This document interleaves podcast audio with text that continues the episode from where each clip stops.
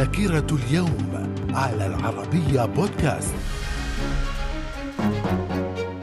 أهلا بكم ومن ذاكرة الثالث من أغسطس ولكن في العام 1492 كريستوفر كولومبوس ومعه 88 بحارا يبدأون رحلة لاكتشاف العالم الجديد وكانت الرحلة تاريخية حيث تمكنوا من اكتشاف أغنى بقاع العالم في الأمريكتين. في العام 1783 انفجار بركان جبل أسامة ويتسبب ذلك في مقتل خمسة وثلاثين ألف شخص. وفي الثالث من أغسطس من العام 1914 ألمانيا تعلن الحرب على فرنسا في بداية الحرب العالمية الأولى. من الذاكرة. وفي العام 1940 الجيش الإيطالي يجتاح أرض الصومال البريطانية في الحرب العالمية الثانية. في العام 1960 النيجر تنال استقلالها من فرنسا وفي الثالث من أغسطس من العام 1986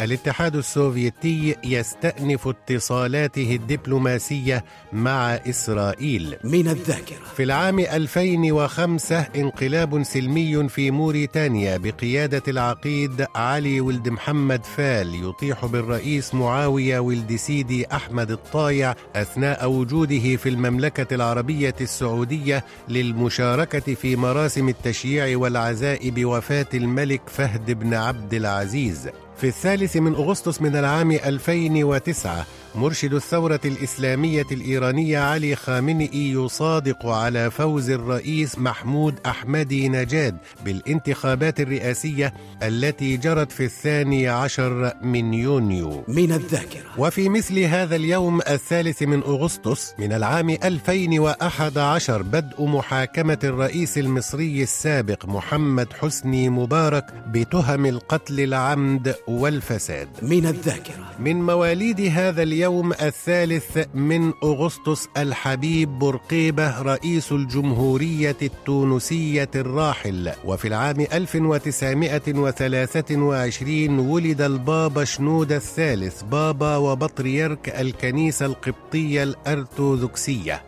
في العام 1946 ولد جاك سترو السياسي البريطاني وفي العام 1948 ولدت الممثلة المصرية مديحة كامل. من الذاكرة. وفي الثالث من أغسطس ولكن في العام 1460 توفي الملك جيمس الثاني ملك إسكتلندا. وفي العام 1942 1940 توفي ريتشارد فيلتشيتر عالم الكيمياء الألماني الحاصل على جائزة نوبل في الكيمياء لعام 1915 وفي العام 1999 توفي الشاعر العراقي الكبير عبد الوهاب البياتي. من الذاكرة. من أعياد ومناسبات الثالث من أغسطس عيد الاستقلال في النيجر وعيد العلم في فنزويلا. من الذاكرة. إلى اللقاء.